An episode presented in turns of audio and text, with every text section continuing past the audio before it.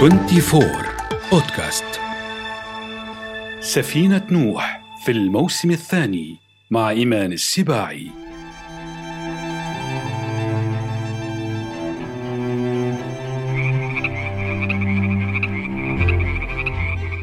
هل تعلم أن الضفادع عاشت على الأرض قبل الديناصورات؟ وهل تعلم أن النعجة دولي لم تكن أول محاولة للاستنساخ؟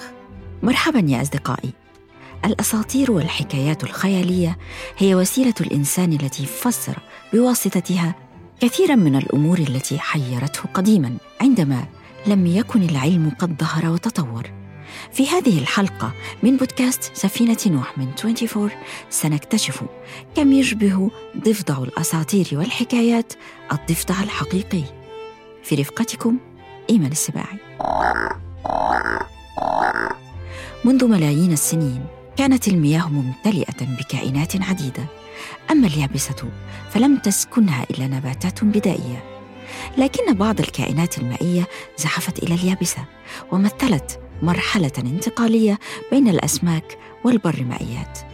كان لهذه البرمائيات البدائية منخار ورئتان وأربعة أطراف قوية ورقبة وديل وزعانف وجمجمة سمكه تدريجيا ظهرت عندها سمات جعلتها تستطيع أن تقضي وقتا أطول على اليابسة مثل أن أصبح جلدها قادرا على أن يحتفظ بالسوائل. في العصر الفحمي أي منذ حوالي 350 مليون عام أصبح المناخ دافئا ورطبا فغطت الأرض مستنقعات شاسعة وظهرت مفصليات الأرجل التي أصبحت غذاء للبرمائيات التي كانت ضخمة تحتفظ بذيولها. وطولها يصل إلى عدة أمتار.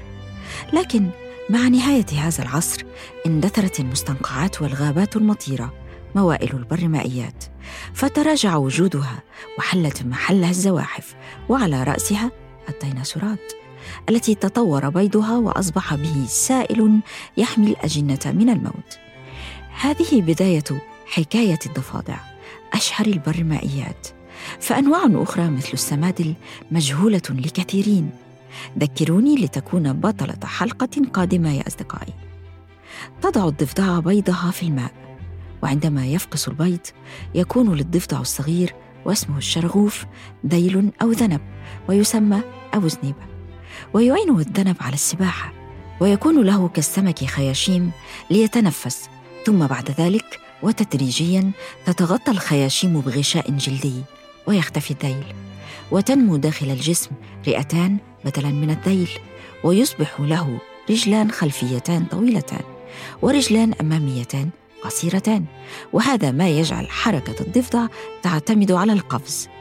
أول محاولة للاستنساخ كانت محاولة استنساخ شرغوف أصدقائي ضفدع صغير قام بها العالمان توماس كينغ وروبرت بيرجز عام 1952 وهي خطوة أولى على طريق استنساخ الناجدولي كان الضفدع هدف صيد دائما من أجل اكتشافات طبية فبالإضافة لأبحاث الاستنساخ وعلم الأجنة نامت الضفادع على طاولات التشريح وثبتت أطرافها بدبابيس فهي قريبة فسيولوجيا من الثدييات وتصلح لدراسة تفسير عضوي للسلوك البشري.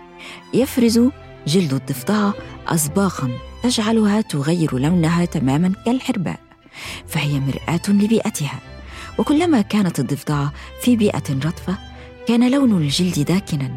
أما اللون الباهت فيعني أن الجلد جاف هناك أنواع من الضفادع تشبه باليتة ألوان. مثل ضفدع الشجر أحمر العينين فظهره أخضر وأرجله زرقاء أو بنفسجية وعلى الجانبين خطوط باللون الأصفر والكفان والقدمان لونهما برتقالي. لكن الجلد يفرز مواد سامة تسمى بابتداد لحمايتها من فرائسها. وتتفاوت هذه السمية لتكون قاتلة في بعض أنواع الضفادع.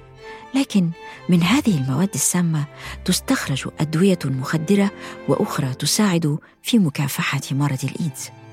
بالإضافة إلى الرئتين تتنفس الضفدعة عن طريق الجلد الرقيق الذي يكون شفافا تقريبا لذا تحرص دائما على أن يكون الجلد رطبا فإذا أصابه الجفاف اختنقت وماتت. تعمل أجهزة الضفدع مثل محطة أرصاد. فله قدرة تنبؤية على معرفة أحوال الطقس من درجة الحرارة والرطوبة. وهذه مسألة حياة أو موت بالنسبة للضفدع. وتوجد بعض الضفادع تدفن نفسها في سبات لا تشرب في أثنائه ولا تأكل ولا تخرج إلا وقت هطول الأمطار لتختزن الماء العذب في مثانتها وجيوب جلدية على جانبيها. وبالضغط على هذه الجيوب يخرج هذا الماء الصالح للشرب لكن الضفدع يموت. أهمية الماء للضفدع جعلت له في الأساطير القدرة على إنزال المطر وموت الضفدع في الثقافة الأفريقية يعني موسم جفاف. هناك أسطورة أخرى عن الضفدع الأفريقي ترتبط بحقيقة عن الضفادع فمنذ الأربعينيات وحتى الستينيات تقريبا استخدمت الضفادع الأفريقية كاختبار لكشف الحمل. فكانت تحقن بالهرمونات المأخوذة من بول المرأة. وإذا كانت المرأة حاملا وضعت الضفادع بيوضها أسرع وإن لم تكن لم تضعها. لا تندهشوا يا أصدقائي. فهذا كلام ليس بجديد. عرفه المصريون القدماء وعبروا عنه في أسطورتهم. فكانت إحدى الإلهات لها رأس ضفدعة وجسم امرأة وارتبطت هذه المعبودة بعملية الولادة لأي طفل. سواء أكان ملكيا أو من عامة الشعب. كما ارتبطت بالإله خانوم الذي يشكل أجساد هؤلاء الأطفال على عجلة الفخراني أي صانع الفخار. مما يشاع عن الضفادع في الثقافة الآسيوية التي تعتبرها رمزا للحظ والوفرة والخصوبة قدرتها على التنبؤ بالكوارث الطبيعية كالعواصف والزلازل. وربما في هذا شيء من الحقيقة. في قصة الأديب الياباني هاروكي موراكامي. الضفدع ينقذ طوكيو. يلتقي البطل بضفدع شجاع. يريد أن ينقذ المدينة من زلزال مدمر. كتب موراكامي هذه القصة بعد زلزال مدمر حدث بالفعل في بلده عام 1995 وكان وقتها يعيش في الولايات المتحدة الأمريكية. فعاد إلى وطنه. ربما ليلتقي بالضفادع والضحايا ويعبر عنهم أما صوت الضفدع يا أصدقائي وهو النقيق الذي اتفق الجميع على أنه مزعج فهو أغنية الحب. وجد بالشريك. تعبر أشهر حكاية عن الضفادع وهي حكاية الأمير الضفدع عما يرتبط بهذه الكائنات من قصص التحول. الضفدع جاحظ العينين لكن عينيه تميزان جيدا بين الضوء الساطع والمعتم والظلام. ومن الطريف أن يصفها أبو عثمان عمرو بن بحر الملقب بالجاحظ فيقول الضفدع من الخلق الذي لا يصاب له عظم ويصبر عن الماء اياما والضفدع أجحظ الخلق عينا. من المعروف أصدقائي أن الجاحظ لقب بهذا الاسم لنتوء واضح في حدقتي عينيه وكأنه يقول عن الضفدع وجدت أخيرا من هو أشد جحوظا مني.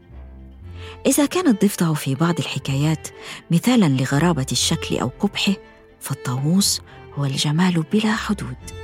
تابعوني في الحلقة القادمة مع أجمل الكائنات.